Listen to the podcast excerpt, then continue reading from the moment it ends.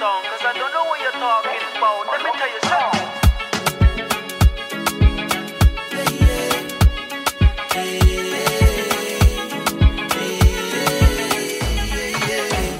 Zo, Dwight. Yes. Morning. Goedemorgen. Een, eh, een heerlijke zonnige ochtend. Ja, we hebben de beste dag hebben gekozen Echt, voor het gesprek. Zal ik Echt? even vertellen? Vertel. Weet je dat ik vorige week hier om tien uur stond? Hier? Hier beneden belde ik aan. Heb je vorige week om tien uur... Nee. Heb- ik, ik had me vergist in de afspraak. Oh nee, dus vandaar dat ik... Want als je aanbelt bij mij, word je Ja. gebeld. Oké. En ik werd gebeld. Ik was niet eens thuis. Ja, trouwens. ja, ja. Ik denk, hè? Wie komt er... Wat is er voor mijn deur? Nee, ik. wat grappig. Maar dus ik, en om een van de reden had ik een twijfel. ja. Want je, je, je weet toch als je iets hebt gezien, Mhm. maar je hebt het niet goed in je hoofd opgeslagen. Maar ik had het in mijn agenda, ik had het... ehm, ik had de datum verkeerd. Nee, sorry. Ik had de juiste datum, maar Ja. verkeerde datum gekozen in mijn agenda. Ja. En toen ik aanbelde, ging er, popt iets in mijn hoofd van, er klopt iets niet.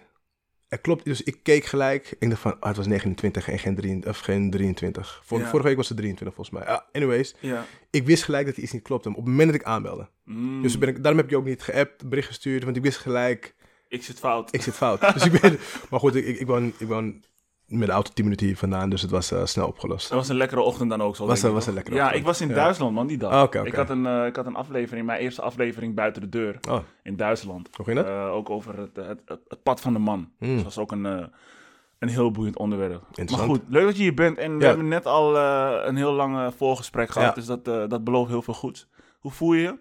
Goed, goed. Ja, de, als de zon gaat schijnen, Ja, dan voel ik me in mijn natuurlijke habitat. Dus eh, dat heeft heel veel effect, ja. ja. Hoe is het voor jou om aan die kant van de tafel te zitten? ja, leuk. Leuk om... eh, ik, ik heb het twee keer, twee keer eerder gehad. Oké. En ik hou van gesprekken voeren, dus Ja, dit, is, dit is voor mij leuk. Ik voel me vereerd dat, dat ik word uitgenodigd. tof. Dus eh, ja. Ja, heel graag gedaan, heel graag gedaan. En, en ehm, vind je het nou spannender om een host te zijn? Of vind je het spannender om, ja, om geïnterview, eh, geïnterviewd te worden? Nee, dan denk ik dat ik het spannend zou vinden om host te zijn. Oh, Omdat, ja? ja, want ik, ik wil wel dat degene die ik uitnodig, Mhm. dat diegene het gevoel heeft van oké, ik krijg de ruimte om te spreken. Mm. Eh, er wordt me de juiste vraag gesteld. Ehm, dus da- dan voel ik een grote verantwoordelijkheid Ja, over, over de aflevering. ja, je voelt je denk ik ook wel verantwoordelijk dat het gewoon ja, goed loopt. Een goed gesprek loopt, ja. Ja. En dat diegene ook wegloopt en denkt van... ja, dit was een fijn gesprek. Er werd een goede vraag gesteld. Eh, de v- oprechte interesse. Ja, Maar dat vind ik persoonlijk heel belangrijk. Dat als ik met iemand praat... dan wil ik graag dat diegene voelt dat ik oprecht geïnteresseerd ben. En dat Mhm. ik geen vragen stel om Mhm. het vragen te stellen. Mhm. Dus dat is voor mij belangrijk. En natuurlijk. andersom natuurlijk, ja. Oké, ik wil, eh, als je het niet erg vindt, wil ik beginnen met een, eh, vrij bekende vraag eh, van jou. Mhm.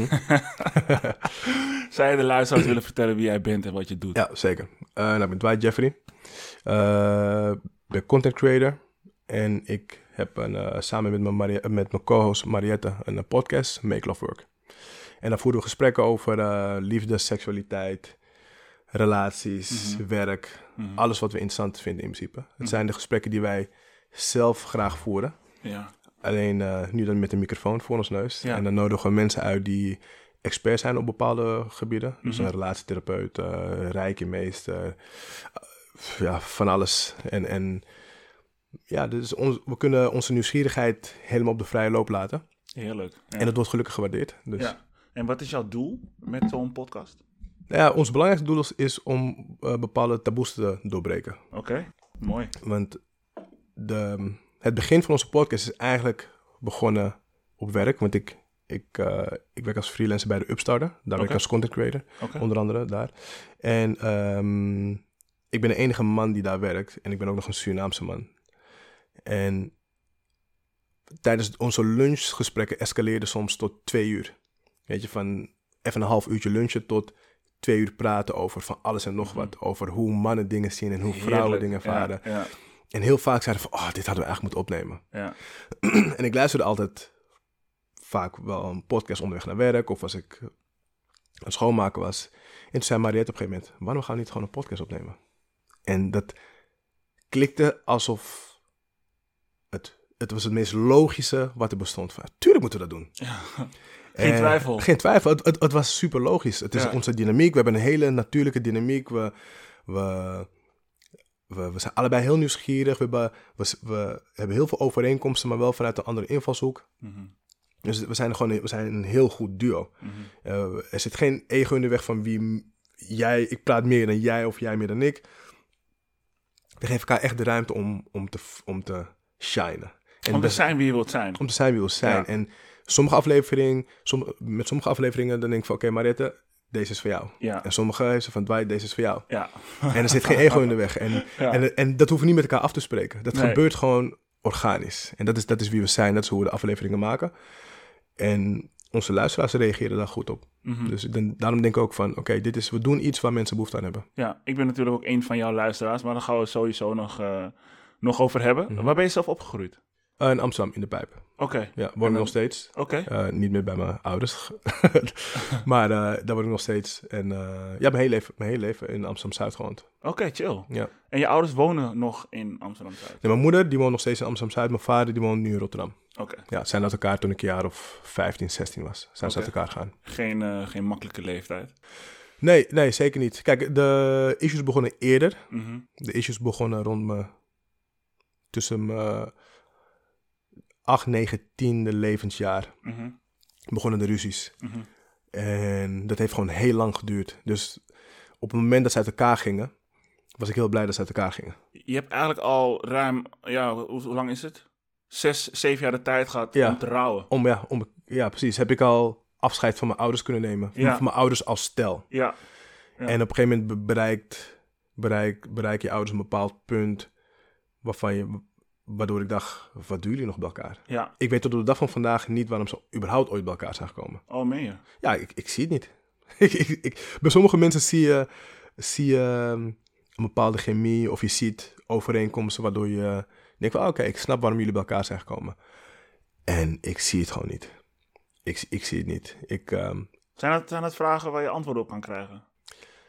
Eh, ja, want ik, ik, ik, ik stel veel vragen aan mijn ouders. Zeker de afgelopen jaren ben ik heel veel vragen gaan stellen over waarom bepaalde dingen zijn gegaan zoals ze zijn gegaan. Mhm. En als ik aan mijn moeder vraag, wat is de reden waarom, waarom, u, voor, eh, waarom u voor papa koos? En ehm, nou ja, zij kwam vanuit een situatie. ze werd hier naar Nederland gehaald door haar eerste vriend eigenlijk. Mhm. En ze dacht dus van, oké, nou dan kom ik hier naar Nederland. En toen kwam ze op de Albert Kuipstraat in Mhm. een kamertje terecht. Dus zij dacht van, waarom zit ik niet met jou in huis? Bleek dat hij een gezin had.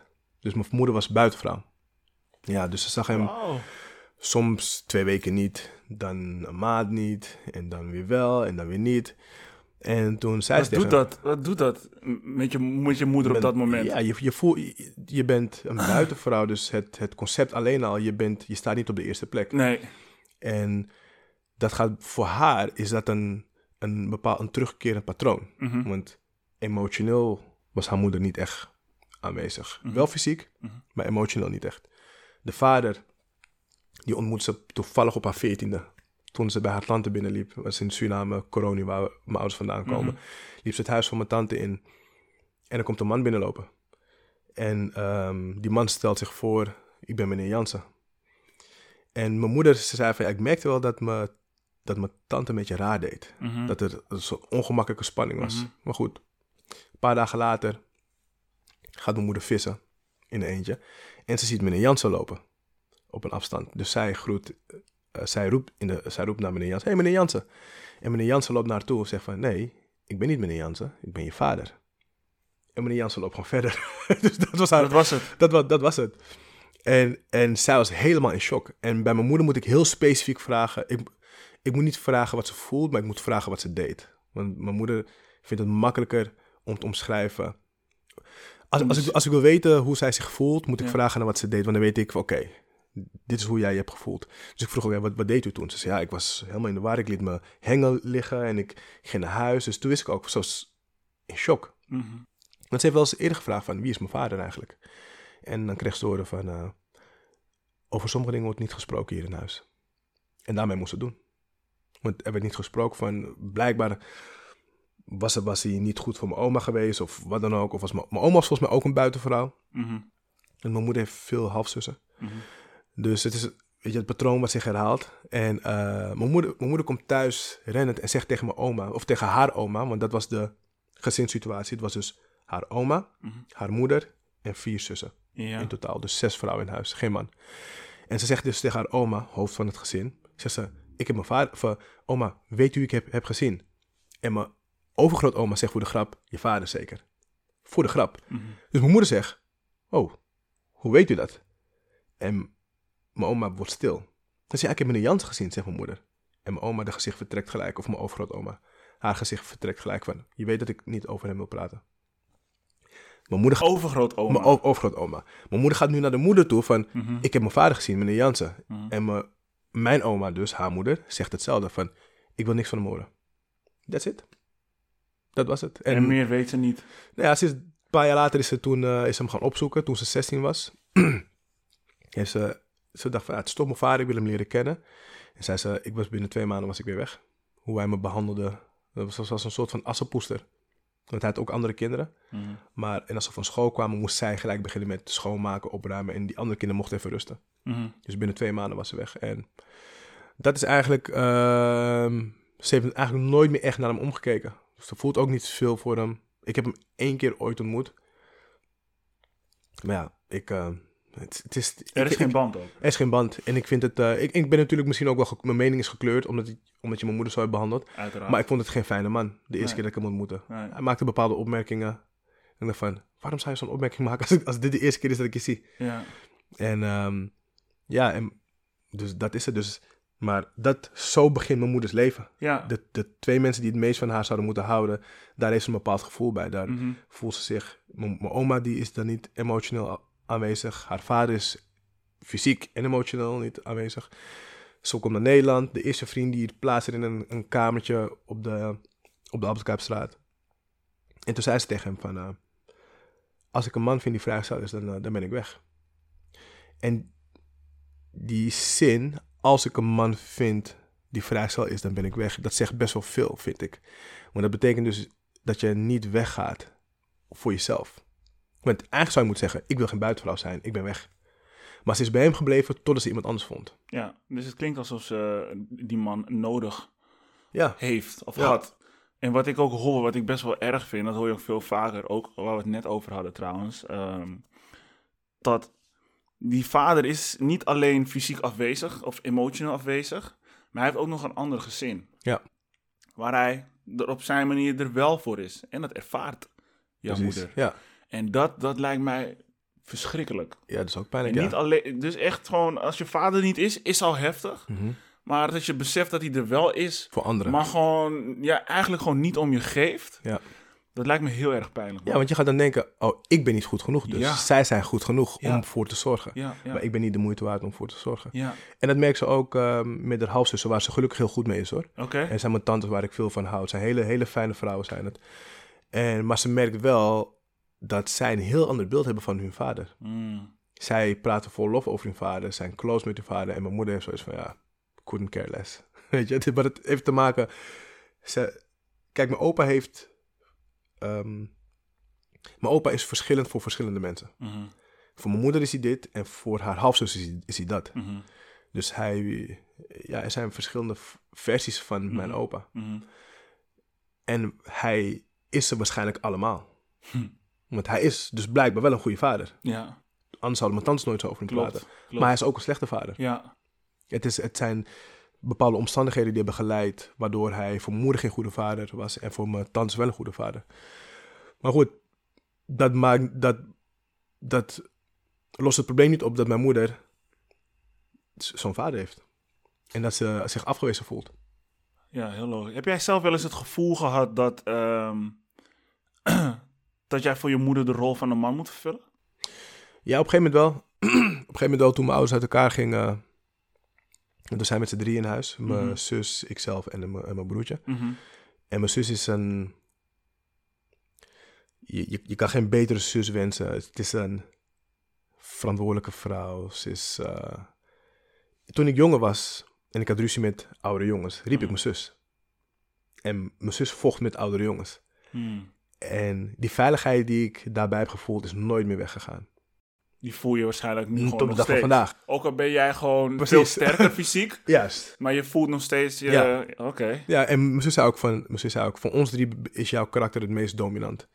Toen zei ik van, Wat zeg je, sorry? dus mijn zus zei een tijd terug, want mijn Ja. zus heeft ook drie kinderen. En de middelste is de meest dominante. Oké. En mijn zus zei van, ja, jij bent van ons drie het meest dominante. Aha. zei ik van, klopt, maar jij, hebt, jij bepaalt wat gebeurt. Mhm. Omdat dat is, dat is mijn zus. Ze is- Mijn karakter is misschien dominant, maar als mijn zus zegt we gaan links, dan stellen we geen vragen, dan gaan we links. Ja. En respectvol, want het is niet dat ze, dat ze domineert. Het is, dat heeft ze gewoon verdiend.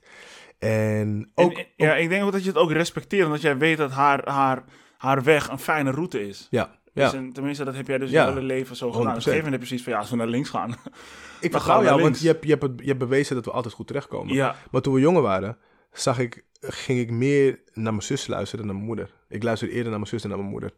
Ehm, ook ook door, door de situatie waar mijn moeder in zat met, zat met mijn vader. Mhm. Mijn moeder is door een hele moeilijke tijd ga- gegaan door mijn vader. Mhm.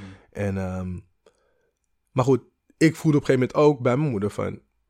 Soms heb ik het gevoel alsof ik tegen mijn 16-jarige dochter praat... Mm. die verliefd is geworden op een foute jongen. En dan zei ik, ma, laat papa. En dan heb ik het over mijn eigen vader, waar ik van hou. Mm. Ik zei van, ma, laat papa gewoon. Weet je, hij heeft een andere vrouw of twee kinderen. Laat het gewoon. En dan zei ze, ja, maar Dwight, je weet niet hoe moeilijk het is. Mm. Alsof ik met mijn dochter praat die verliefd is geworden op een foute jongen. Dus emotioneel ga je dan een bepaalde positie innemen. Je overstijgt. Ja, maar die je niet hoort in te nemen. Nee. Nee. Want je hoort niet de vader te zijn van je moeder. nee. Nee. En, maar dat gebeurt wel, waardoor, ehm, ja, waardoor de verhoudingen soms Mhm. moeilijk werden. Mijn moeder en ik kregen een moeilijkere band, want ik begon meer op mijn vader te lijken. Mm. Mijn stem Mhm. lijkt heel erg op mijn vader. Mhm. Ze zei, ze zei een keer, alleen op de manier hoe je het huis binnenkomt. Dat is precies je vader. Dus ze kon ook heel, ze kon heel weinig van me hebben. en, en dat, Herkenbaar trouwens wel. ja, Ja, heel Ja. herkenbaar. Maar continue. ja. Ja. en ik voelde dat. Ik Mhm. voelde dat van, oh, jij, jij reageert anders op mij. Mhm. Als ik iets vraag, dan is het een scherpe nee. En als mijn zus of mijn broertje iets vragen, dan is het nee en uitleg. Of, Als ik je even mag onderbreken, Ja. he- he- eh, heeft jouw zus een andere vader? nee, we, zijn, we hebben alle drie dezelfde vader. Ja, alle drie dezelfde vader. Ja. En dus, dus, dus dat merkte ik. Dus wat gebeurt er? Ik ga me ook anders opstellen. Van, oh, jij ziet me anders. Oké, nou, dan, dan ben je van mij nu de vijand. Dus we hebben echt een aantal jaren een hele moeilijke... Dat ik haar emotioneel... Beide ouders hoor. Emotioneel had afgeblokt. Van, ik wil niet dat jullie me, ik wil, niet- ik wil niet dat jullie me kunnen raken. En je woonde in huis. Ik woon in huis, dus dat is Samen met je zus ook. Samen met mijn zus en mijn broertje. Ja, maar met je zus was je wel goed. Met mijn zus, mijn, mijn zus, mijn broertje en ik is een drie-eenheid. Ja. Super close. En jouw broertje en jouw zus waren ook wel weer goed met jouw moeder. Ja, vooral mijn zus. Mijn zus en mijn moeder zijn twee handen op één buik. Bijzonder, man. Ja. Dat vind ik echt heel bijzonder. Ja, het is een hele vreemde dynamiek. Ja. Ja. het is een hele vreemde dynamiek, want we, we waren... Mijn broertje, mijn zus en ik hadden eigenlijk een gemeenschappelijke vijand, wat ons heel close heeft gemaakt, en dat waren mijn ouders. Omdat Mhm. zij ruzie aan het maken waren, Mhm, zijn wij heel hecht geworden van, mhm. oké, weet je, laat, laten zij maar ruzie maken, wij, Wij blijven hier. wij blijven hier, wij beschermen elkaar. En dat heeft ons tot de dag van vandaag super close. Ik- Mijn mijn broertje is mijn beste vriend, komt, is bij- bijna elke dag bij me thuis, heeft mijn sleutel. En mijn zus heeft een gezin in Almere, dus die heeft een iets andere levensstijl. Ja. Maar we zijn nog steeds alle drie heel close. Maar mijn moeder en mijn zus waren ook heel close. Ja. En ehm, soms, ik weet nog dat ik mijn zus soms kwalijk nam dat zij het niet voor me opnam. Want ik Mhm. dacht van, jij hebt invloed op haar. Mhm, mhm. Maar mijn zus zei van, ik wil niet bemoeien. Maar zij staat Oh, ertussen. man. Ja, Zij zit ertussen. En Ja. dan voel ik me soms in de steek gelaten door, door mijn zus. Van, ik zou echt voor je opnemen als ik in jouw positie zou zitten. neem het nog kwalijk. Nee, want ik begrijp nu wat de situatie was. Mijn zus heeft... Ik, ik, heb, ik heb het laatst ook tegen haar gezegd. Ik zei van, jij hebt er zoveel druk op jou gelegd. Want je, je weet hoe het is in de Surinaamse gemeenschap. Mhm. Een dochter, hoe ze zich moet gedragen. Ze moet, ze moet netjes zijn. Ze mag niet te brutaal zijn. Ze mag ons geen schande geven. En mijn zus voldeed aan al die punten. Maar ze voelde ook van...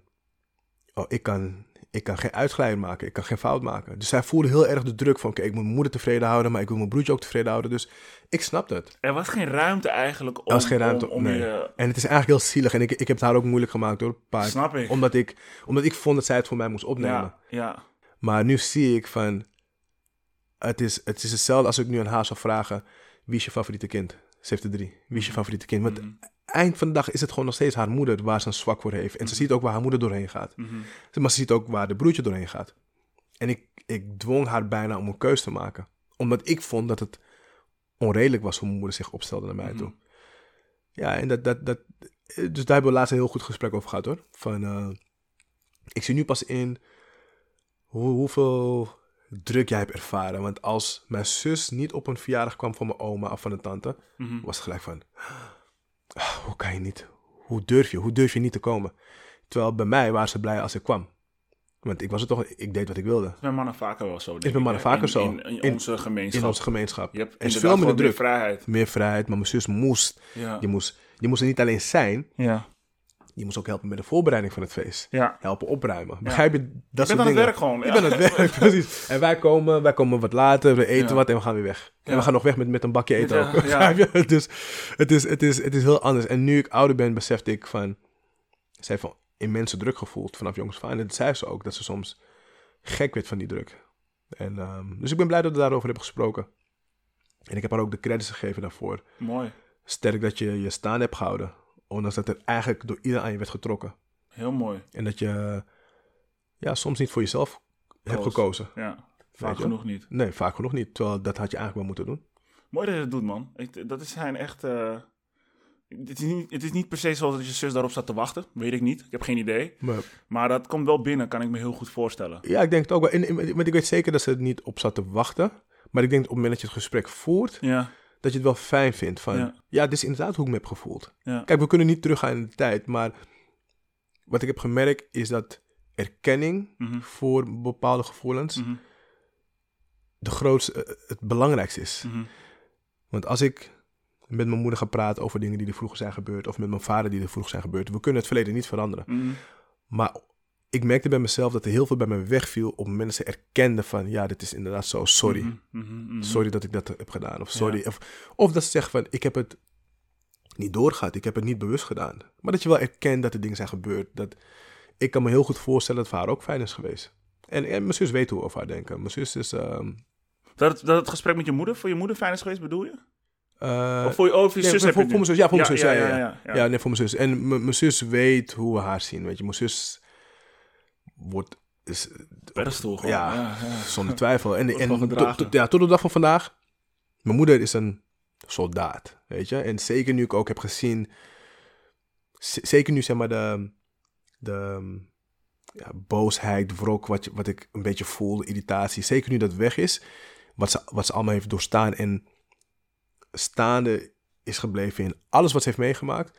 Denk van, wauw, knap. Maar als mijn zus zegt we gaan links en mijn moeder zegt we gaan rechts, ga ik links. Nog steeds. Nog steeds. Ja, dat, dat mag ook, denk ik Ja, ook wel. En ik denk sowieso, als je de verhalen van, van iedereen kent, wat voor, wat voor verkeerde dingen of slechte dingen ze ook hebben Mhm. gedaan in jouw ogen, dan, dat je dan hoe dan ook wel respect krijgt voor die Mhm. mensen. Het maakt niet uit, eh, maakt niet uit hoe, eh, Zeker. eh, hoe die mensen zijn. Ben je christelijk opgevoed? Ja. Oké. Ja, christelijk opvoed. Ik, ik, het was zelfs zo dat ik vroeger ehm, voor het eten bidden, voor het slapen bidden. Ja.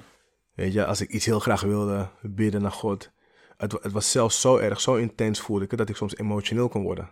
Oh, meen je? Ja, Mooi eigenlijk wel, toch? heel mooi. Alleen het is in, staat in groot contrast met hoe ik er nu in sta. Mhm. Ik, eh, de twijfels begonnen bij mij op het moment dat ik...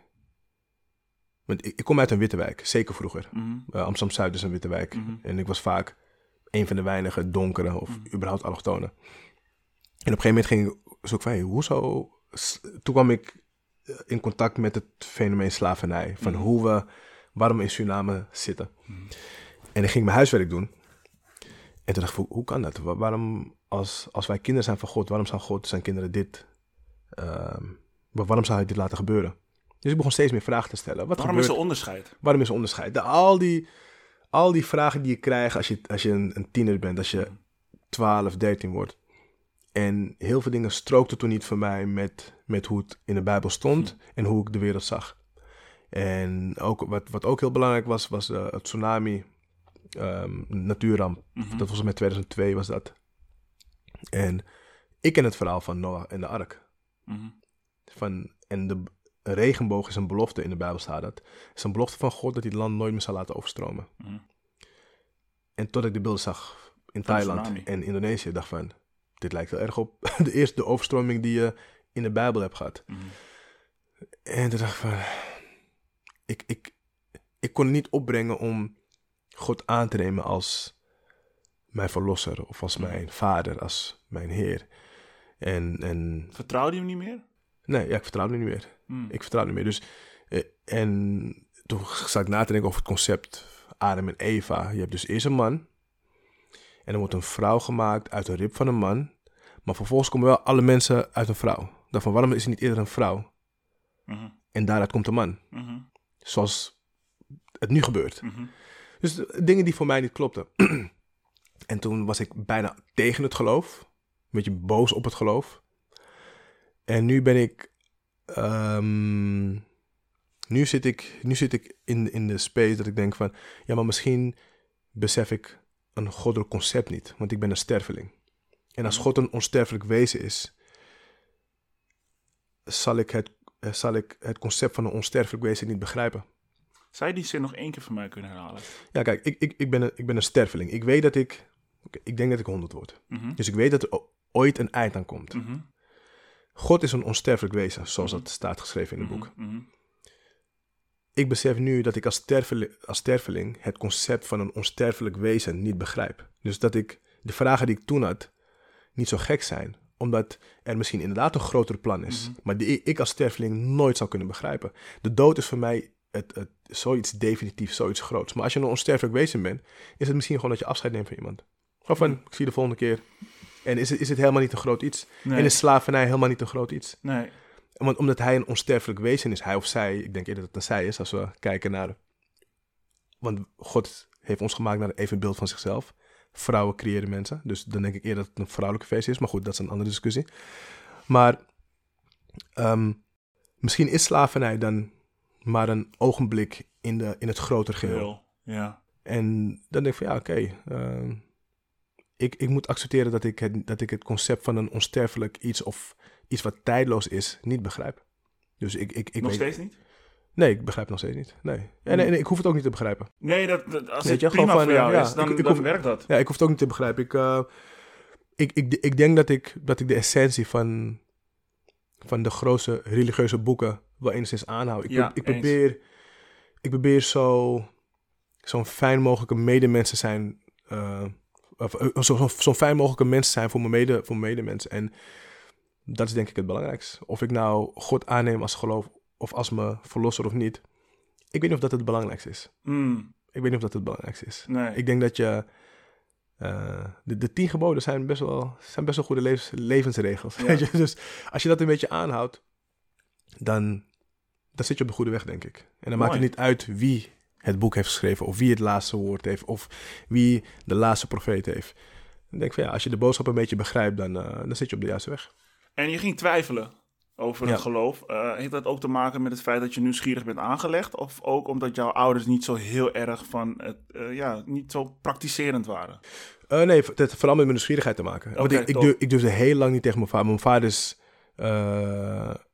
zeker de laatste jaren... Mijn, vader heeft een tijdje vastgezeten. Eh, Oké. Drie jaar vastgezeten. En nadat hij vrijkwam, is hij heel erg naar het geloof toegetrokken. Hmm. En ik durfde hem niet te vertellen dat ik zoveel twijfels had. Nog steeds de bevestiging op... Ja, zie je eigenlijk als je, als je erover nadenkt... was ik dus blijkbaar nog steeds op zoek naar die bevestiging van mijn vader... dat hij me zou accepteren, dat hij trots op me zou zijn. Dus ik durfde niet te vertellen dat ik Nee, twijfel over geloof. wijst hij je af. Ja, wijst hij me af. Aha. Voel je dat nu nog? Nee, nu is, nu is, nu is het anders hoor. Nu is, ja. ah, ik, jawel, ik voel het ergens, voel ik het nog steeds. wel. Als ik heel eerlijk ben, voel ik Ja. het ergens nog steeds, wel, maar het belemmert me niet om eerlijk te zijn Tijn. over wie ik ben. Ik snap hem. Dus ik voel het nog steeds wel. En Ja. ik denk ook niet dat het ooit helemaal weg zou gaan, want het is mijn vader. Hoeft niet. En het is mijn moeder. Ja, Ik wil ze nog steeds heel trots maken. ja. Hun goedkeuring is, is nog steeds waardevol voor mij. Mhm, mhm. Alleen, ik laat, me, ik laat mijn leven niet meer zodanig eh, beïnvloeden, door beïnvloeden. ja. Maar ehm, ja, mijn ouders, mijn ouders zijn gelovig. Ehm, zeker mijn vader, mijn moeder de laatste tijd ook meer. Maar, eh, dus dat meer met mijn eigen nieuwsgierigheid te maken. Ik was ook de enige die twijfels had, de enige die vragen stelde. En dan zei moeder van, ja, waarom stel je altijd zoveel vragen? Mm, Waarom wil je zoveel weten? mhm. Weet je, van, ja, het is niet dat ik, dat ik die vragen bedenk. Die vragen komen op, ja. omdat ik dingen zie. Ja, die voor mij niet kloppen. ja, ja. En het is, een, het is naar mij gewoon een hele terechte vraag van je moeder. Ja. Maar ehm, ja, het kan ook heel schadelijk zijn tegelijkertijd. Als je kijkt naar, eh, naar jongeren die opgroeien uit- in een gezin met een, een, een, een waarom, daarom ouder. Ja, Hè? Omdat Precies. ik het zeg. Ja, dat, dat, dat blokkeert jouw nieuwsgierigheid. Dat kan effect hebben op je school of, of, of whatever. Op, Ja. je, op hoe jij bent met je sociale contacten. Dus het is wel fijn dat je, dat je nieuwsgierig bent gebleven. ja, ja. En het is niet altijd makkelijk geweest. Want weet je in welke situaties ik merk dat ik moeite had om een gezonde discussie te voeren met oude mensen. Toen ik jonger was. Mhm. Omdat ik dus zo getraind was om, Om, geen discussie te voeren met oude mensen. ja, En dan soms kom ik in een positie terecht ja, met een oude persoon waar ik u tegen zei. Ja. Dus ik creëerde al zoveel afstand Ja. van, oh jij staat zo ver boven me. En dan, die u, die u alleen creëert die u al... creëert al zoveel afstand. Ja, En dan ook nog dat ik dacht van, ja, maar ik kan geen discussie voeren, want hij of zij is ouder. mhm, Waardoor ik mezelf soms niet goed kon verdedigen. mhm, En dat kwam echt van thuis. ja, Je gaat niet in discussie met ouderen, want zij weten beter. ja, En, en dat heb ik echt moeten afleren. ja, En dat vond, ik- vond ik echt, echt vervelend. Want ik voelde gewoon die blokkade van, ja, oh, ik wil eigenlijk dit, dit zeggen, maar... En dan zei ik niks en dan was het moment weg. ja. Heel herkenbaar, echt. Ik, ik denk dat we in dat geval echt best wel een, eh, eh, ja, vergelijkbare jeugd hebben gehad. Ja, Ehm, in veel dingen. Ik heb geen contact meer met mijn moeder. oké. Dat heeft eh, allerlei redenen. Ja, en mijn vader was vaak genoeg ook niet ja, emotioneel Ja. bereikbaar. Dus het is wel een, een hele herkenbare. Heb jij, je hebt geen kinderen? Nee, nee. Hoe is het voor jou om in een, eh, in een maatschappij te leven eh, op je 36e? Mhm. Ehm, ja, met geen kinderen. Eh, nee, ik krijg natuurlijk vaak de vraag. ja, En precies. zeker als Surinaamse man. Je, ik zeg het vaak van als Surinaamse man op je 36e. Je bent je- laat weer, hoor. Ik hoor meerdere, kinderen, meerdere kinderen te hebben met meerdere vrouwen. ja. Want dat is, dat is wat ik omheen heb gezien. Weet je? Ja. Als ik kijk naar mijn ooms, mijn eigen vader. Mhm, Maar juist doordat ik dat heb gezien, mhm, eh, dacht ik van, nee, dit, dit wil ik niet. Want ik zie, ik zie wat het met die kinderen doet. mhm. En, maar ik zie ook hoe normaal het wordt gevonden in mijn familie. Weet je, ik heb een keer een discussie met mijn moeder gehad erover. Een oom van me die heeft 16 of 17 kinderen. Oh, wauw. En zij zei, ja, maar hij heeft, hij heeft, weet je, hij heeft genoeg geld. Ik zeg, oké, maar dat is één. Maar stel dat hij elke dag een kwartiertje met ze zou willen bellen. Dat gaat niet eens lukken. Want hij moet slapen, hij moet werken. En dan hij kan niet eens elke dag een kwartier met zijn kinderen bellen. Hoe, hoe goed je ook bent als goed- man, het is lukt gewoon niet. onmogelijk om, Lukt om, niet, nee. om 16 kinderen die aandacht te geven die ze nodig hebben. Of je moet een gigantisch huis hebben waar ze allemaal in zitten. En zelfs Ja. dan wordt het lastig. Dat gaat niet. Weet je? dat gaat niet maar deze kinderen woonden, woonden, een paar woonden hier in Nederland, een paar in Ja. Suriname, een paar Ja. in België. Dus het, het, het kan niet. En, en dat wilde ik niet. En mijn vader heeft ook eh, een gesprek met, met, met mij gevoerd, een paar jaar geleden, van eh, jij en je broertje moeten die, die cyclus doorbreken. Van verschillende of, eh, kinderen bij verschillende vrouwen, of veel kinderen bij verschillende vrouwen. Omdat het, eh, ja, het is, niet een hele vruchtbare situatie. Je, je, je kan gewoon niet de beste vader zijn als je zoveel kinderen hebt. Die op zoveel verschillende plekken wonen. Dat gaat gewoon niet lukken. Daar, daar, is, het, daar is een dag gewoon tekort voor. En, en ja, dus. eh, en wat ik ook merkte, eerst had ik, was ik zo bang om die, om die man te worden, dat ik niet eens een kinderwens had. Mhm. En naarmate ik ouder werd, Dus je blokkeerde het echt ik blokkeerde het. Ja. Oké. En naarmate ik ouder werd, begon ik en bepaalde, bepaalde, bepaalde stap had gemaakt als man zijnde. Mhm, Toen voelde ik ineens het wel opkomen. mhm, Blijkbaar voelde ik van, oh, ik ben mezelf aan het klaarstomen mhm. om die vader te zijn die ik wil zijn. En nu heb ik een hele intense, sterke kinderwens, dat het bijna brandt zelfs. Omdat ik nu weet van, oké, ik, ga de- ik ga die vader zijn die ik, die ik wil zijn. Voelt, je, je toch voelt ook van, ik ben klaar om ik ben vader klaar. te zijn. Ik Ja. ben klaar. En, en, en ik heb eh, onder andere ook door, door de podcast, door bepaalde afleveringen die ik heb gehad, eh, trauma verwerken, gesprekken die ik met mijn ouders heb gehad, een aantal jaar geleden. Ik zie het allemaal een soort van logische stap. Eh, ik ben mezelf aan het prepareren om vader te zijn. Dat Ja. voel ik. Ja, Ik voel, want ik ben oude emotionele dingen aan het opruimen. ja, Met mijn vader en mijn moeder. Ik heb mezelf gecheckt van oké, stel nou dat mijn ouders sterven. Heb je ze alles gevraagd en gezegd wat je zou willen? mhm. Ja, cool. We, Hmm. we kunnen het afsluiten. Heel mooi. Maar dat is, de, dat is de, de check die ik altijd bij mezelf doe. Van, Oké. Heb ik alles gevraagd en gezegd wat ik zou willen? Ja, en ik kon echt ja zeggen. Ik heb ze de vraag gesteld waar ik boos over was. Ik heb ze de credits gegeven. Ja, Maar dat klinkt, dat klinkt wel alsof er over enkele maanden geen vragen meer kunnen zijn. Want er kunnen altijd weer Er nieuwe altijd- nee, vragen nee, zeker. Er kunnen altijd vragen zijn, maar ik heb niet meer die oude vragen. Ik, want ik heb, nog, ik heb nog steeds vragen voor ze. komen. Ja, ja, ja, Ik heb, maar er, waren een aantal hele belangrijk. belangrijke vragen. En die vragen heb ik gesteld. Maar ik, ik zal de rest van mijn leven vragen blijven hebben. Want we blijven groeien, we blijven dingen doen. Waar, ik heb nog steeds een aantal vragen voor mijn vader, weet je. Want ik, ik, ik kwam, ik kwam er vorig jaar achter dat ik, dat ik nog een halfzusje heb. mhm. Begrijp je? Dus, dus ja, daar heb ik ook weer een aantal vragen over. Maar ehm, die vragen die zijn voor mij niet iets die voor mij, die, die zwaar op me wegen. Die ik in mijn, in mijn emotionele bagage of een emotionele rugzak droeg. En, en ik droeg best wel veel bij me, zonder dat ik er bewust van was. Totdat ik die vragen stelde. Toen voelde Ja. ik me ineens 10 kilo lichter. Ja, ja, ja, die hoor ik. En het, het mooie vond ik dan ook dat jouw vader twee jaar geleden Ja, in gesprek ging met jou en jouw broertje over eh, ja, het zijn van een goede vader. ja, En dan kom je er een jaar later kom je erachter dat je nog een halfzusje hebt. ja. Dus ik weet niet, natuurlijk niet per se wat je vraag is. ehm, maar doordat hij jou twee jaar geleden heeft aangegeven wat nodig is om een goede vader te zijn, dan voel je wel dat hij weet dat hij bepaalde dingen niet goed heeft gedaan. En Ja. heel graag wil zien dat jullie het goed ja. doen. ja en dat, dat heeft, daardoor heb ik zoveel respect voor hem Hmm. gekregen. Omdat hij... Kijk, ik hou van mannen die hun fouten maken, maar dan erkennen van... Hé, ik ben echt ik ben fout geweest. Mhm.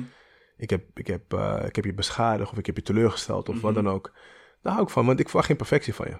Want ik weet dat ik een hoop fouten heb gemaakt Mhm. en waarschijnlijk nog een hoop fouten ga maken.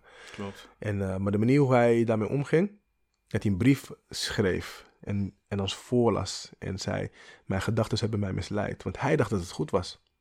Maar dat is wat hij heeft gezien bij zijn eigen vader. Van, er wordt niet gesproken, wat jij zegt. Er wordt niet, wordt niet gevraagd, Dwight, hoe voel je je? Nee, natuurlijk niet. Weet je, eh, we gaan gewoon door. En toen wij vertelden hoe wij ons hebben gevoeld, toen heeft hij volledig het boetekleed aangetrokken. Volledig. Hij heeft, ehm, hij heeft daar echt gezeten als een, als een man. En ik heb hem heel lang niet als een man gezien. Want mijn vader is een, fys- fysiek gezien is het een man. Mhm. Maar ik had, dat respect had ik niet voor hem. Ik dacht van, jij moet, mij, jij moet mij helemaal niks vertellen. En soms hoopte ik zelfs dat hij me iets probeerde te vertellen. Zodat ik hem kon checken van, jij bent de laatste die mij iets moet vertellen. Mhm. Je wilde die confrontatie ik wilde die confrontatie. Het is bijna een soort van een jonge leeuw die zijn vader wil uitdagen. Ja. En dat ja. voel ik heel sterk. Van, Ja. Ik hoop dat je die fout maakt.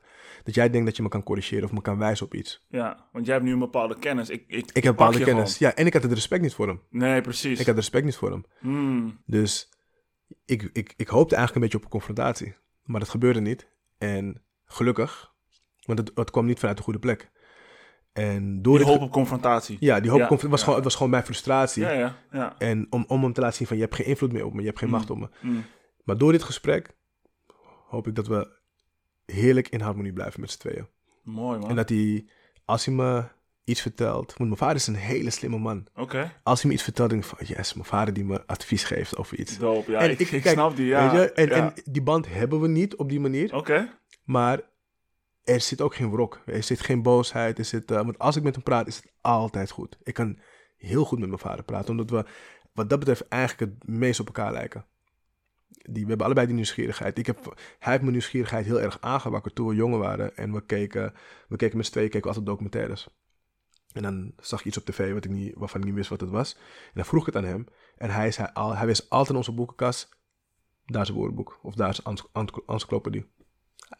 En ik heb tot de dag van vandaag nog steeds dingen opzoeken. En dat komt van hem. Dus ik, het, ik, ik heb ik ook tegen hem gezegd. Van ik, ik vind het fijn om, om, om je weer de credits te geven. Want dat is wat je erin hebt gestampt bij mij. En ik was soms gefrustreerd van waarom zeg je gewoon niet wat het is. Maar ik, ik, ik heb er nu nog steeds baat bij. ik word er een beetje emotioneel van, merk ik. Want ik, hoe je dit vertelt, dan, dan ga ik automatisch ook nadenken over hoe het bij mij is gegaan. En dan komen er herinneringen op van, me, van mijn vader. En als ik mijn vader iets vroeg, hij gaf altijd antwoord. Ja. En nooit afwijzen. Ja. Van het is, het is zo, daarom is het zo. En mijn vader, nu het zegt, denk ik van, mijn pa is ook wel een hele intelligente guy. Ja. En dat heeft er dus ook wel weer voor gezorgd dat ik nieuwsgierig ben gaan blijven. Exact. Dat is, dat, is wat ze, dat is het zaadje wat ze in ons hebben geplant. Hmm. Maar dat, soms vergeet je het even, misschien omdat je je focust op andere dingen waar je Mhm. ontevreden over bent. En ook die, vooral die, die negatieve dingen natuurlijk, negatieve die dingen, je beter wilt ja. zien van jouw vader. Precies. Het, het is, eh, het is, eh, maar dat heb ik bij beide ouders hoor. Weet je, ik heb heel vaak het gevoel gehad, ehm, jullie hadden meer kunnen geven. Mhm. Weet je, en het voorbeeld wat ik, wat ik dan gebruik is dat ik 100 euro vroeg aan mijn ouders en ze gaven me 50 euro. Mhm. En dan was ik boos omdat ik 50 euro tekort kwam, want ik Mhm. vroeg 100 euro. Mhm. Maar achteraf besefte ik dat ze maar 50 euro in, hun- in hun portemonnee hadden. Mhm. Dus ze hebben hun laatste geld gegeven aan mij. Gruwelijk Dus, dus wa- wa- waarbij ik denk, ik ben 50 euro tekort gekomen, denken zij, ik heb je alles gegeven wat ik heb. En zodra je dat beseft, dat verandert je hele perspectief. Want ze konden, ik durf met mijn hand op mijn hart te zeggen, dat mijn ouders me alles hebben gegeven wat, ze hadden. Ja. Er zijn fouten gemaakt, dingen anders gekund, tuurlijk. Maar voor mij is het belangrijk om te weten dat ze alles, hadden, alles hebben gegeven wat ze op dat moment hadden. En dit is, dit is wat ik heel vaak zie met kinderen en ouders. Kinderen praten over wat ze hebben gemist. Ouders praten over wat ze allemaal wel niet hebben gedaan voor hun kinderen. Mhm. Dus ergens is er een soort van gat. Ja, ik denk dat het voornamelijk geen gehoor is aan elkaar. Geen Dus gehoor zoals aan elkaar, wij ja. gehoord wilden worden door onze ouders, Ja. deden wij dat ook niet richting onze ouders, zeg maar. Exact, exact. Ja, ja. En dat heeft, dat, heeft, dat heeft de relatie heel erg veranderd. Zeker ook nu tussen mij en mijn moeder. Mijn moeder heeft een maand geleden voor het eerst tegen me gezegd: Ik hou van je. Nog nooit in de leven tegen me gezegd. En ze zei het uit het niets. En toen ze zei, kreeg ik hartklopping van: huh? Wow. Wat zegt ze? En ik heb dat toen mijn broertje en mijn zus in de groep zei van... Mama heeft voor het, eerst, voor het eerst gezegd van ik hou van je. Zei ze dat ook wel eerder tegen jouw zus? Nee, nee, tegen niemand. Oké. Tegen niemand. Maar oké. eh, ehm, een, een neef van haar was overleden met wie ze is opgegroeid. Dus Mm. ik denk dat ze op dat moment ook ja, voelde van, hey, weet je, iemand met wie ze is opgegroeid is, is te komen overlijden.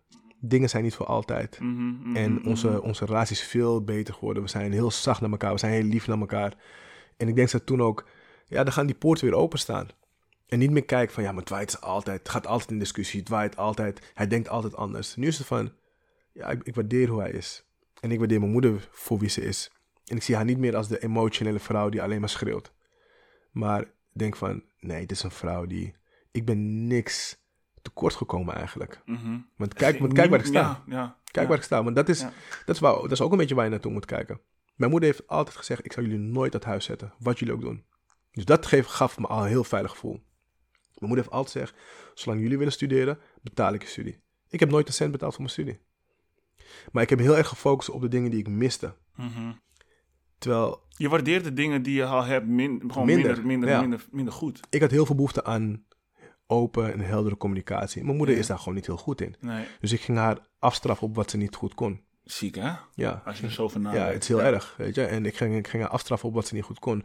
Maar je, je hebt de, de, de vijf liefdestalen. Je hebt weet je, fysiek, woorden, cadeaus, dienstbaarheid en, en quality time. Mhm, Bij mijn moeder staat cadeaus duidelijk op nummer één. mhm, Cadeaus en dienstbaarheid. mhm, Hoe zij haar liefde uit, is door middel van geven en klaarstaan voor je.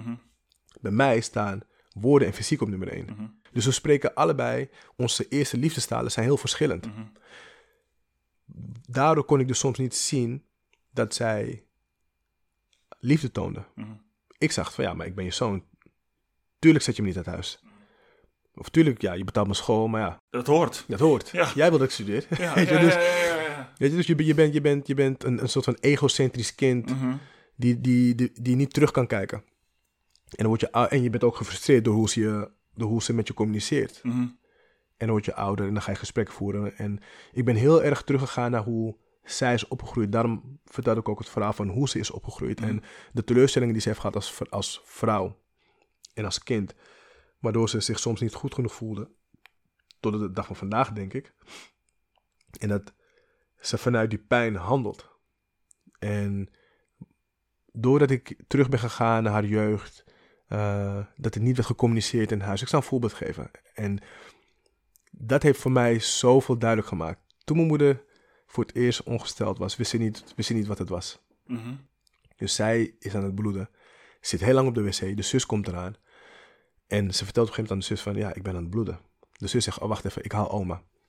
Oma komt en zegt tegen mijn moeder, oké, vanaf nu mag je geen jongens meer in, in hun ogen aankijken. Want je kiest bidden. Je toch, je wordt zwanger. En that's it. Dus ze vertelt mijn moeder hoe ze zichzelf moet eh, verschonen en alles. En zo stuurt ze mijn moeder de, de wijde wereld in. Mijn moeder gaat volgens naar school. En ze nam dat ook gewoon echt Ze nam aan. het letterlijk aan. Dus zij, zij, als zij jongens zag, keek ze naar beneden.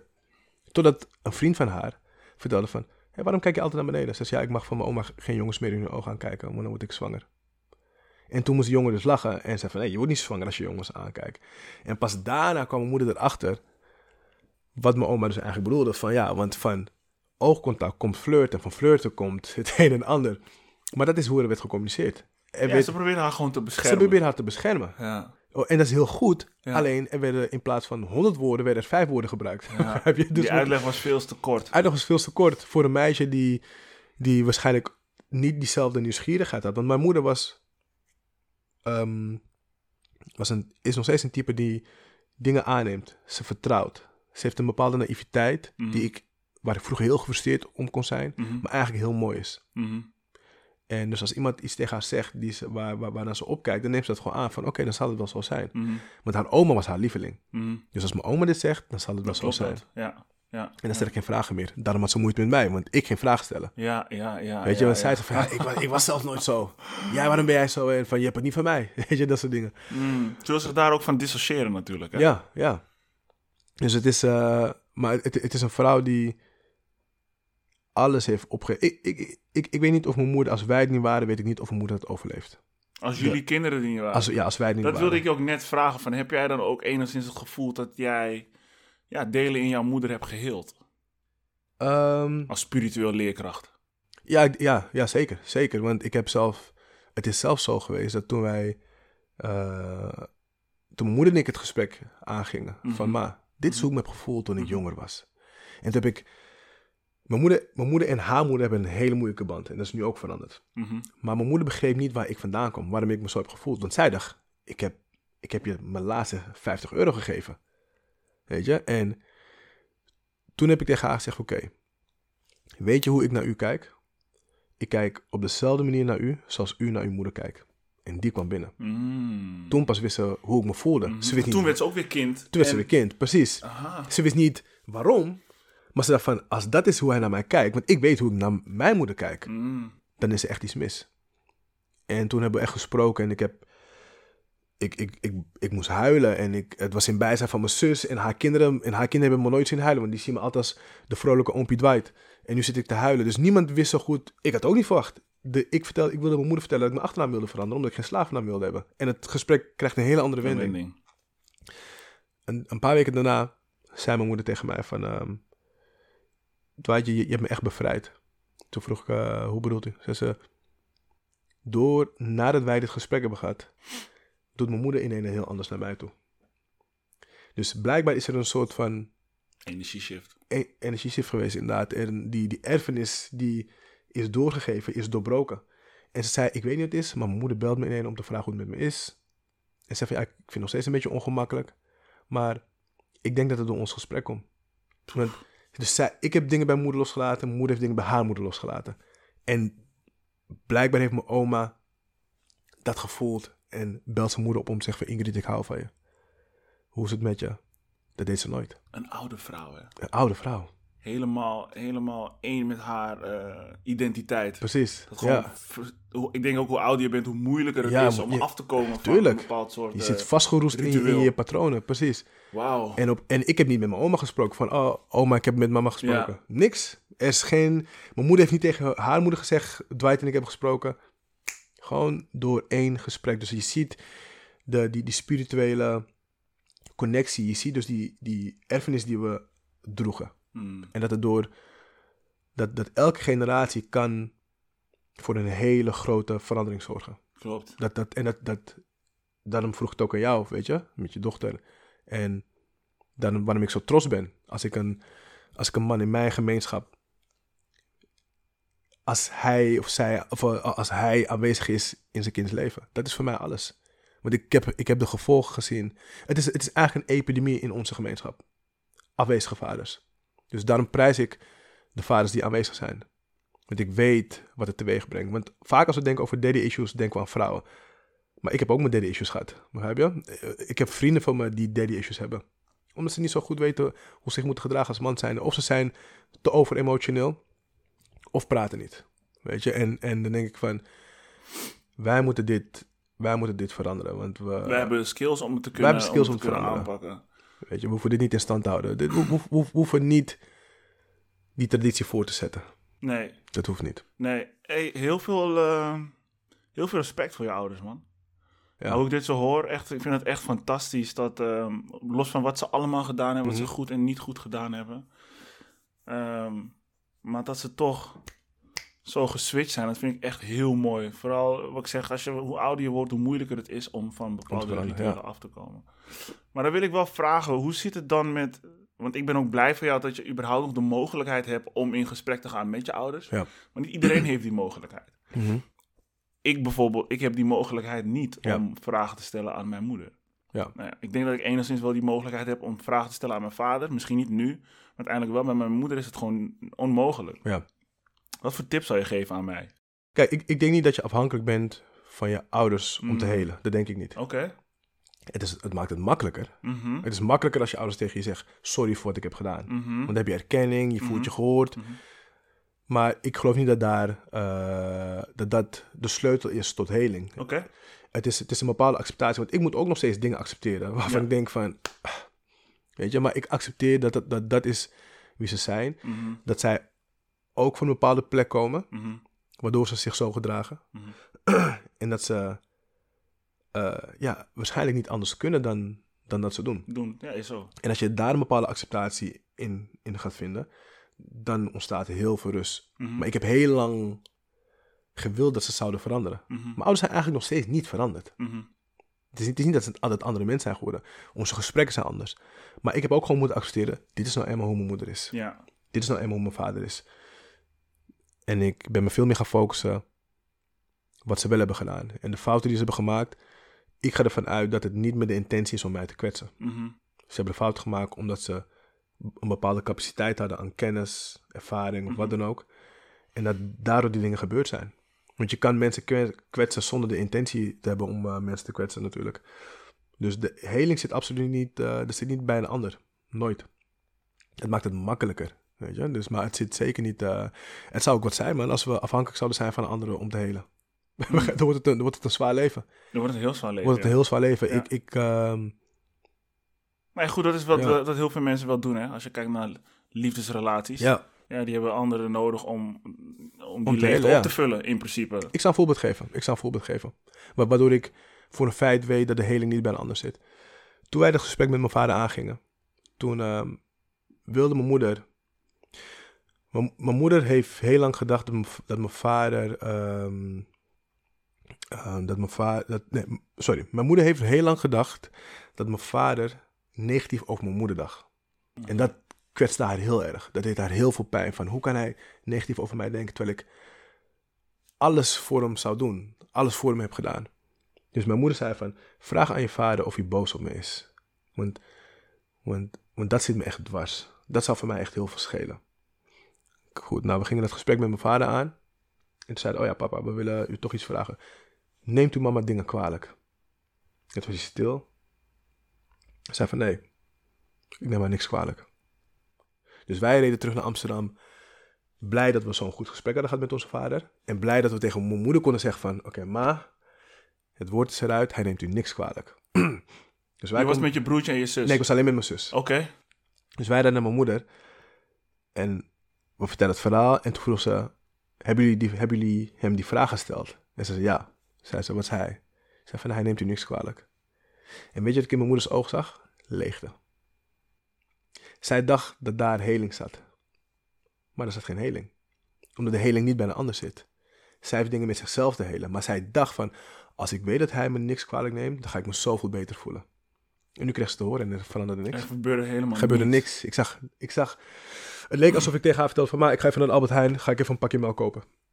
Ja, is goed. Onverschilligheid, weet je, Ja. totale onverschilligheid. Dus je zag je zag ik zag ook een beetje de teleurstelling dat zij zich nog steeds zo voelde. Voelde. En Ja. het zal die, die, die vraag die je hebt gesteld aan jouw vader, Ja, is dat niet een vraag die bedoeld is voor haar eigen vader? eigenlijk wel. Eigenlijk wel. Wat zij eigenlijk haar vader wil vragen, van waarom, waarom was je niet voor me? Waarom was ik niet goed genoeg? Ze wil het eigenlijk aan haar eerste vriend vragen. Ze wil het aan de moeder. Het zijn vragen die ze eigenlijk aan die mensen die haar hart voor het eerst hebben gebroken in haar leven. Weet je, vragen. ja, de, haar eerste liefdes, de vader en de moeder, die hebben haar hart gebroken. Ja, dan moet je van trouw naar iedereen.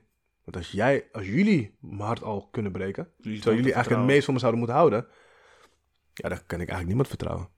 Mm, Dan kan ik niemand vertrouwen, want jullie zouden mij het meest moeten beschermen. mhm.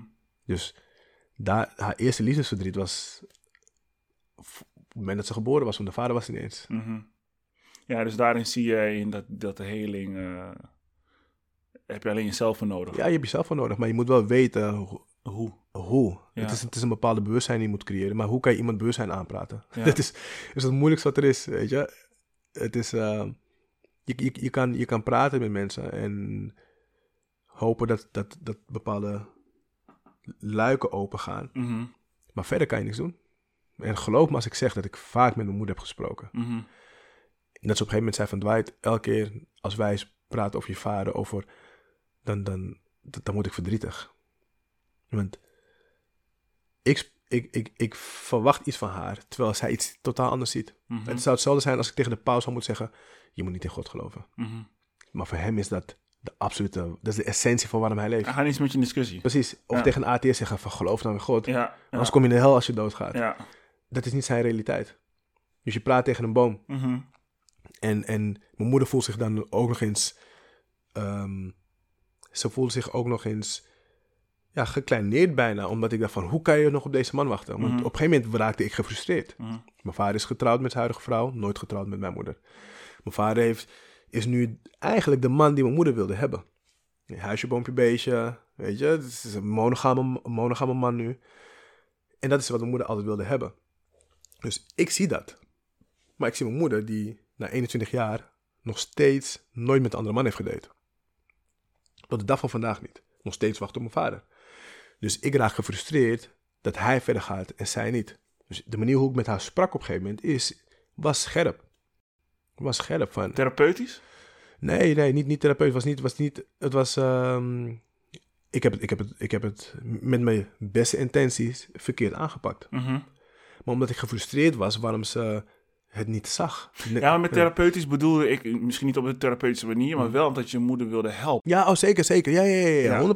100%. Ja, ja, zeker. ja. Ik wil haar zeker helpen, want ik, ik, ik vond niet dat zij het verdiende om in die positie te zitten. Mhm.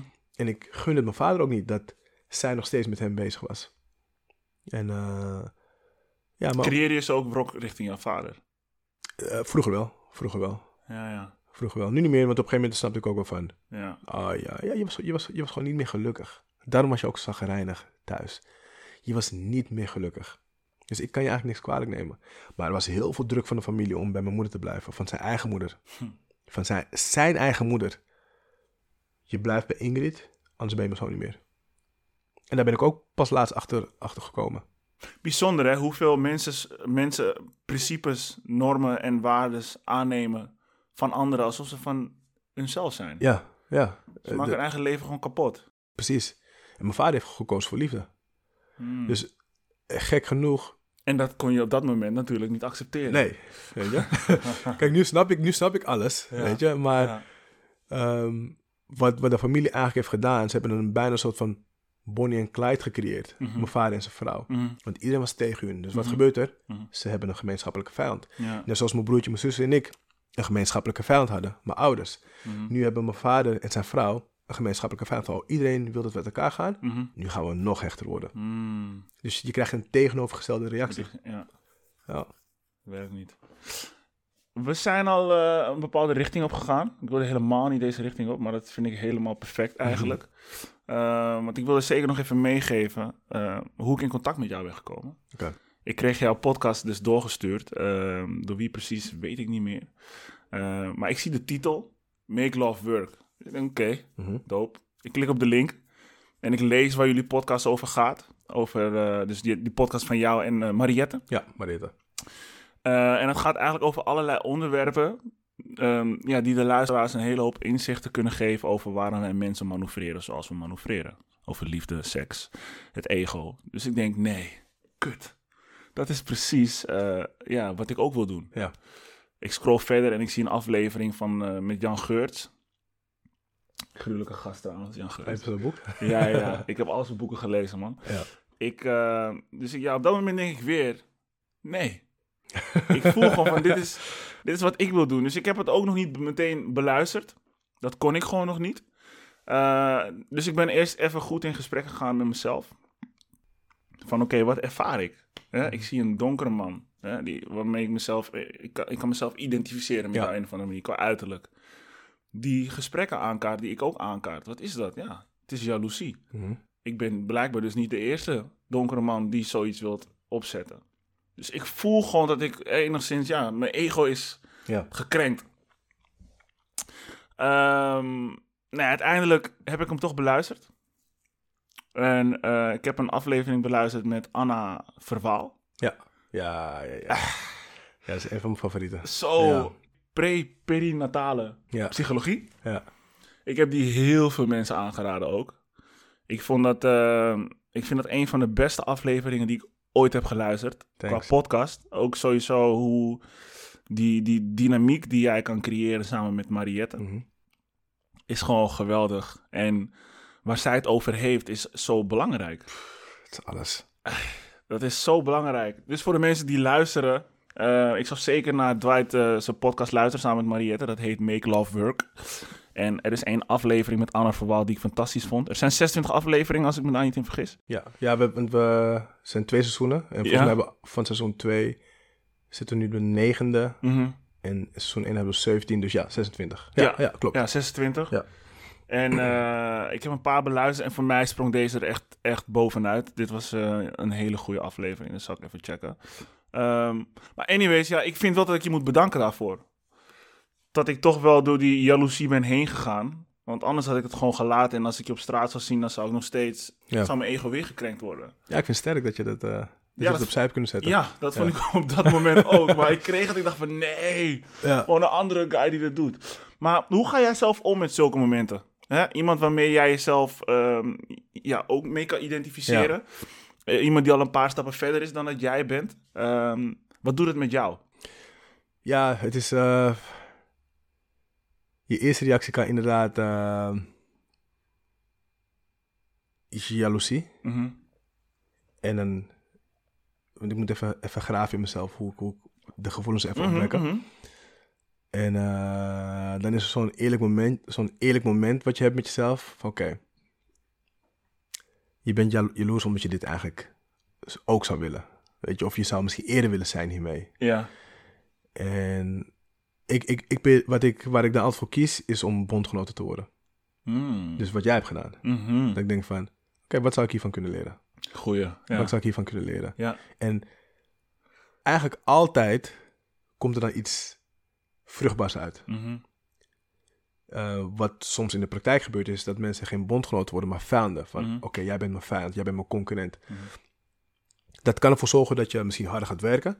Maar ik, ik, ik vind dat niet een fijne uitgangspositie. Want je gaat dan handelen vanuit een bepaalde pijn, Ja. vanuit iets negatiefs. Intentie is niet juist. Nee, precies. En ik heb liever dat ik denk, ik geef diegene credits van, hey, je hebt me geïnsp- geïnspireerd.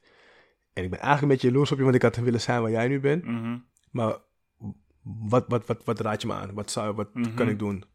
En dan zie je dat je daardoor gelijk al een paar stappen kan maken. Mhm. Want je hoeft niet de fouten te maken eh, die je zou maken als je het zelf zou, als je het zelf zou doen. Mhm. Weet je, ik zal een voorbeeld geven. Stel dat ik ehm, in jouw positie had gestaan en ik wilde een... Kijk, jij hebt nu al in je podcast, maar ik wilde een podcast beginnen.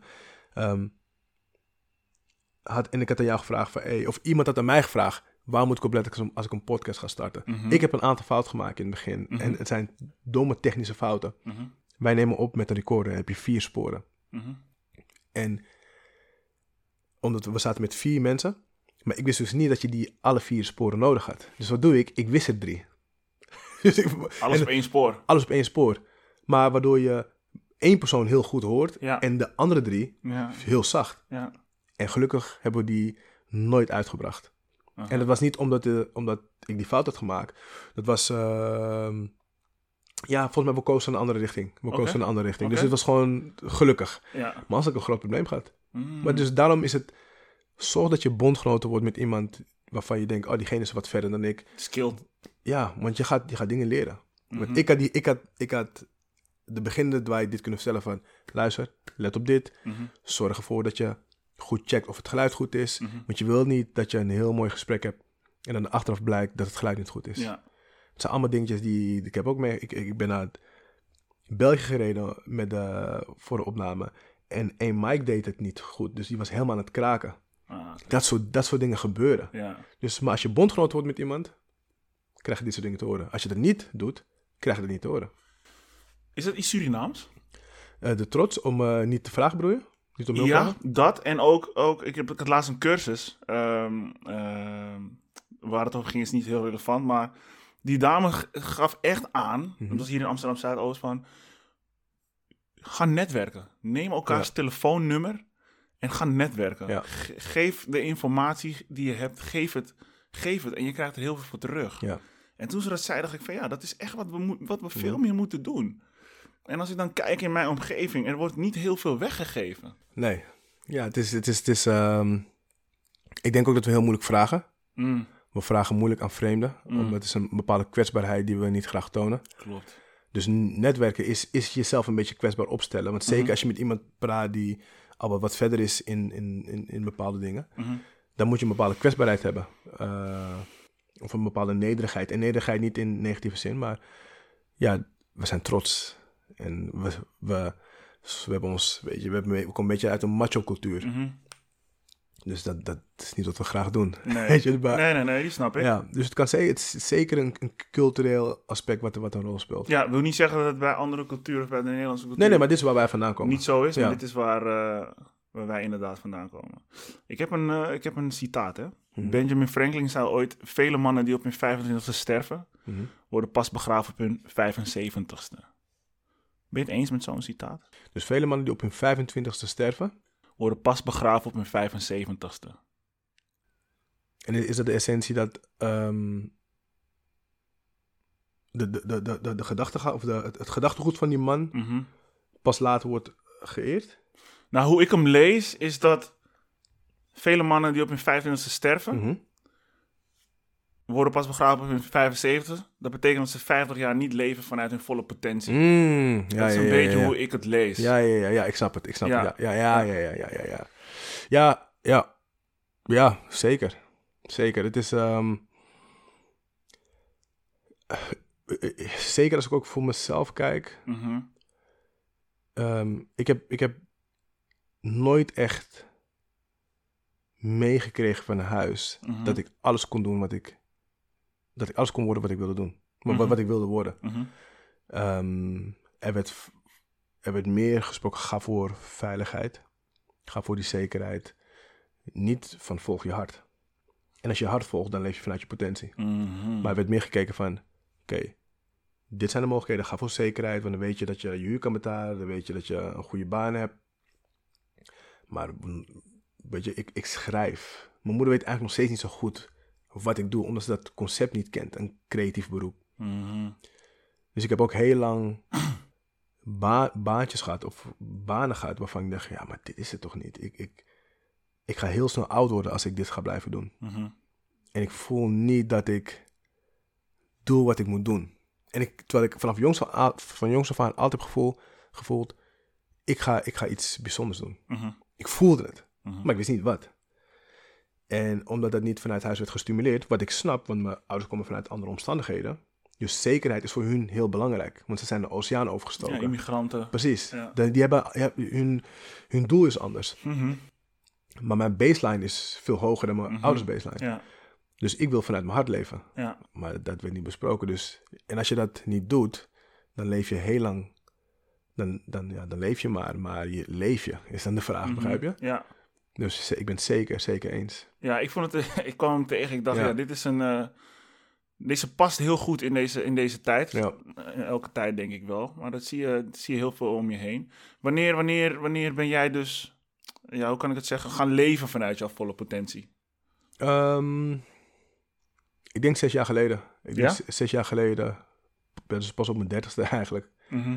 Ehm, toen kwam ik erachter. eh, ik werkte toen bij een eh, re- reclamebureau. En, maar ik merkte dat, dat ik schrijven leuk vond. Dat ik me daarin goed kon uiten. Heel, dat doe je trouwens heel goed, man. Thanks. dank. Ja, ik zag, ik check op, jou, eh, op jouw website. Ja. En ehm, het, ja, het begon heel mooi over ehm, ehm, dat je vroeger altijd huilde. Ja. Ja, en dat niet Ik vond die zin zo... Kan je die zin alsjeblieft voor mij herhalen? Ja, ik weet niet precies hoe, wat de exacte citaat is, maar het- wat de essentie is in principe... Ik, ik, ik huilde vroeger heel veel. Ja. En ik wenste dat ik niet meer kon huilen. Mhm. En mijn wens kwam uit. Mhm. Nu huil ik gelukkig weer. Mhm. Dat. Ja. Ja. die was... Weet je, nu huil ik gelukkig weer. Ja, ik... Ja. eh, pff, zo, huilen is zo belangrijk. Ja. Zo belangrijk. En ik heb het zo lang als een zwakte gezien. Mhm. Zo lang. In, in de auto huilen met mijn vader en dan naar buiten kijken. Want ik wil niet dat hij zag dat ik huilde. Mhm. Omdat ik echt dacht, dan ben ik geen man. Ja. En op een gegeven moment zijn die kranen gewoon dichtgegaan en vastgeroest. Mhm. En dan zit ik tegenover iemand te praten en is het een emotional gesprek. En dan huil ik van binnen, maar je ziet gewoon een stalen gezicht. Mhm. En woorden kunnen soms gewoon niet... Je voelt het wel? Ik voel het heel erg. Ja. ja, Maar ja. ik kon fysi- fysiek gebeurde er gewoon niks. Totdat, ehm, ja, 2018 was het. 2018 gebeurde gewoon heel veel dat jaar. Mijn, een van mijn beste vriendin die werd ziek. gebeurde heel veel in een korte tijd. En toen ging die kraan open. Mhm. En die is eigenlijk nooit meer dichtgegaan. Mhm. Ik, het voelt, het voelt, het voelt zo... Het voelt lekker. Luister, ik, normaal gesproken moest ik drie dagen praten om iets Ja. van me, af te, van me af te laten glijden. Ja. En met een huilbui is het weg. Mm, heerlijk, Het, het is niet voor niks Ja. dat we huilen. Ja. Weet je, dus het is... eh, ja, huilen is voor mij wel echt een essentieel... Het is, het is een uiting van emotie. Het is een uiting van emotie. En dat kon ik dus blijkbaar niet... Dat kon ik niet meer goed. Omdat ik een hele negatieve associatie eh, aan had. Ja. Mooi. Heb jij jezelf nu volledig geaccepteerd? Ja, ja. Oké. Ik, ik, heb, ik heb noodgedwongen eigenlijk op hele jonge leeftijd Mhm. eh, geaccepteerd van dit is wie ik ben. Omdat mijn Mhm. moeder moeite had met wie ik was. Mhm. Dus ik heb geprobeerd om te veranderen van oké, ik ga een beetje zoals mijn zus zijn. Nou, dat lukte niet. Mhm. En toen heb ik maar het besluit genomen van oké, dit is dan ga ik Dwight blijven. Mm. Op een hele jonge leeftijd. En wat ik dan deed was mijn ouders blokkeren, emotional blok- blokkeren. Mhm. Maar dat is, dat is ook niet het antwoord. Mhm. Pardon. Maar door de situatie met mijn ouders heb ik wel, ben ik noodgedwongen. Want uit, uit elke pijn komt iets moois. Mhm. En dat is het mooie wat ik, wat ik eraan heb overgehouden. Dat ik op heel jong wist wie ik was en dat ik voor niemand zou veranderen. Ja. En soms sloeg ik daarin door. dat ik van nee, maar ik ben Dwight. Maar ja, je... je bent weterig, zoals ja, je zelf zegt. precies. Ja. Ja, maar je ontdekt wel heel erg wie je bent. En ik heb nooit iemand anders willen zijn. En eh, ja, altijd het gevoel gehad van... Oh, als ik mezelf niet was, dan zou ik mijn vriend willen zijn. Mijn beste vriend willen zijn. Mhm. Weet je, dat gevoel heb ik heel sterk gehad. En eh natuurlijk dan het, het volledig accepteren van alles wie je bent, dat is een, is een project, is een, Proces. is een proces waar ik nog steeds in zit, maar wel geaccepteerd van, oké, dit is nou eenmaal wie ik ben. Mhm. Weet je, en eh, dus ik hoef niet meer de, de versie van Dwight te tonen die ik denk dat jij wilt zien. Mhm. Ik ga nu gewoon de ongerepte Dwight laten zien. Ja, En, ik, kijk, kijk wie blijft hangen. Ja, en dan, dan, naar mijn idee leef je vanaf dat moment vanuit jouw volle potentie. Ja. Weet je, je gaat niet meer, daar ga ik vanuit, niet meer eh, eh, manipuleren. Ja, klopt.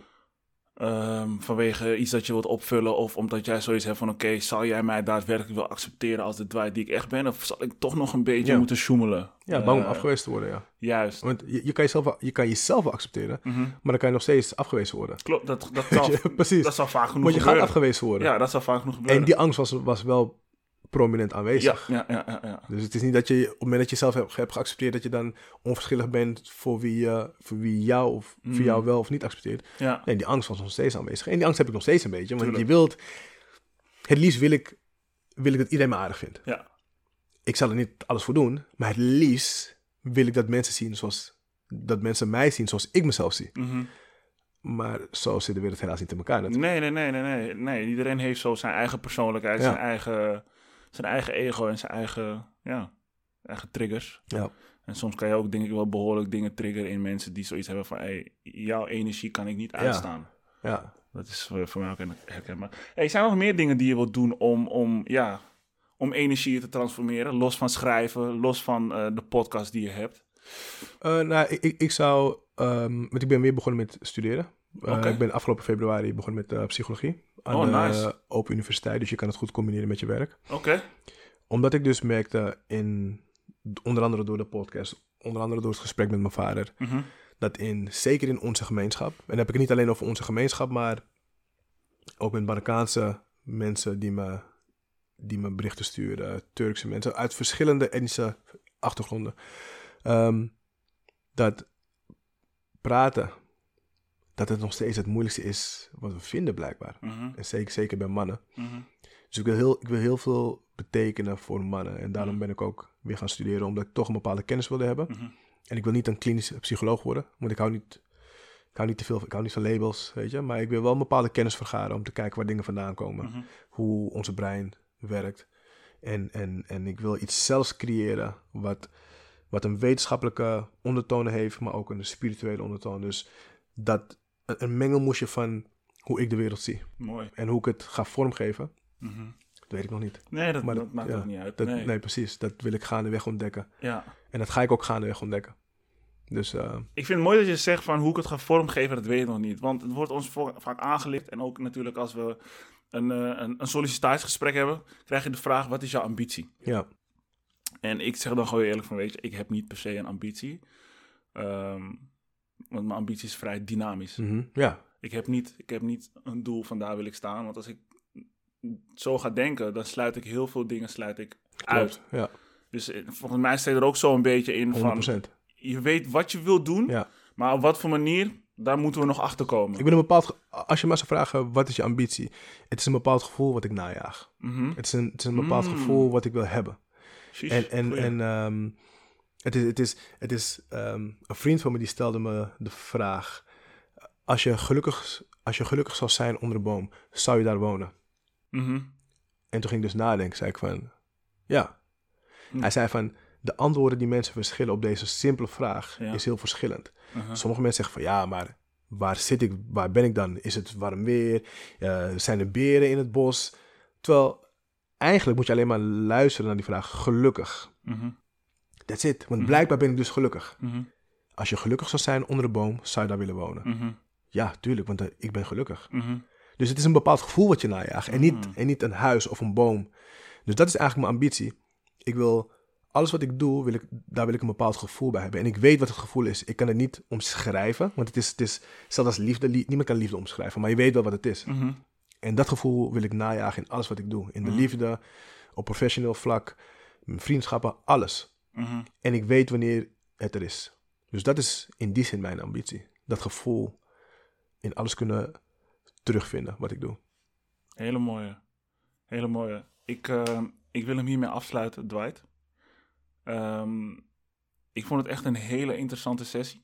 Thanks. Ik heb nog heel veel dingen die ik eh, niet heb kunnen vragen. Mhm. Dus ik, eh, ik hoop niet dat dit de laatste keer is dat wij, eh, ja, Ik, ik weet zeker van zo niet. zitten. Ik weet zeker van niet. Dus dat wordt, eh, dat wordt leuk. Ja, en bedankt man. Ik ben geïnspireerd. Ik hoop de luisteraars ook. Ehm, en ik zal zeker weten ook in mijn, eh, in mijn bio aangeven waar, eh, waar je de podcast kan vinden van, van Dwight Nice. en, en Mariette Make Love Work. Nee, ik, vind, ik, vind top, ik vind top dat je dit doet. Ik ben blij dat je dit doet. En dan zeg ik als Surinaamse man tegen een andere Surinaamse man. Het is belangrijk dat we dit doen. Mhm, Want er wordt, er wordt in onze gemeenschap, ja... We zijn niet met heel veel, mhm, maar we zijn er zeker. mhm. En ehm, er zijn meer die dit willen. Ja, Maar misschien niet het gevoel hebben dat het kan. ja, ja. En, en eh, daarom is het fijn dat wij er zijn. Om, om te laten zien van, hé, we kunnen dit. zeker. We zijn er goed in. Ja, Weet je, in alle bescheidenheid. ja. Maar we kunnen dit, we kunnen dit. En, en ik ben blij dat we hiermee mensen kunnen inspireren. Ja, bedankt. Dwight, thanks, thanks.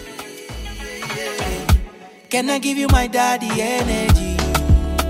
Energy. A little bit to you and some more from me. Some more from me.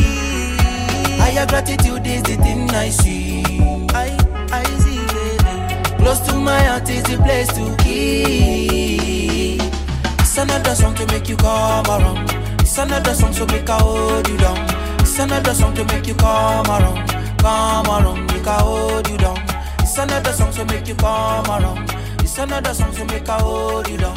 It's another song to make you come around, come around, make I hold you down.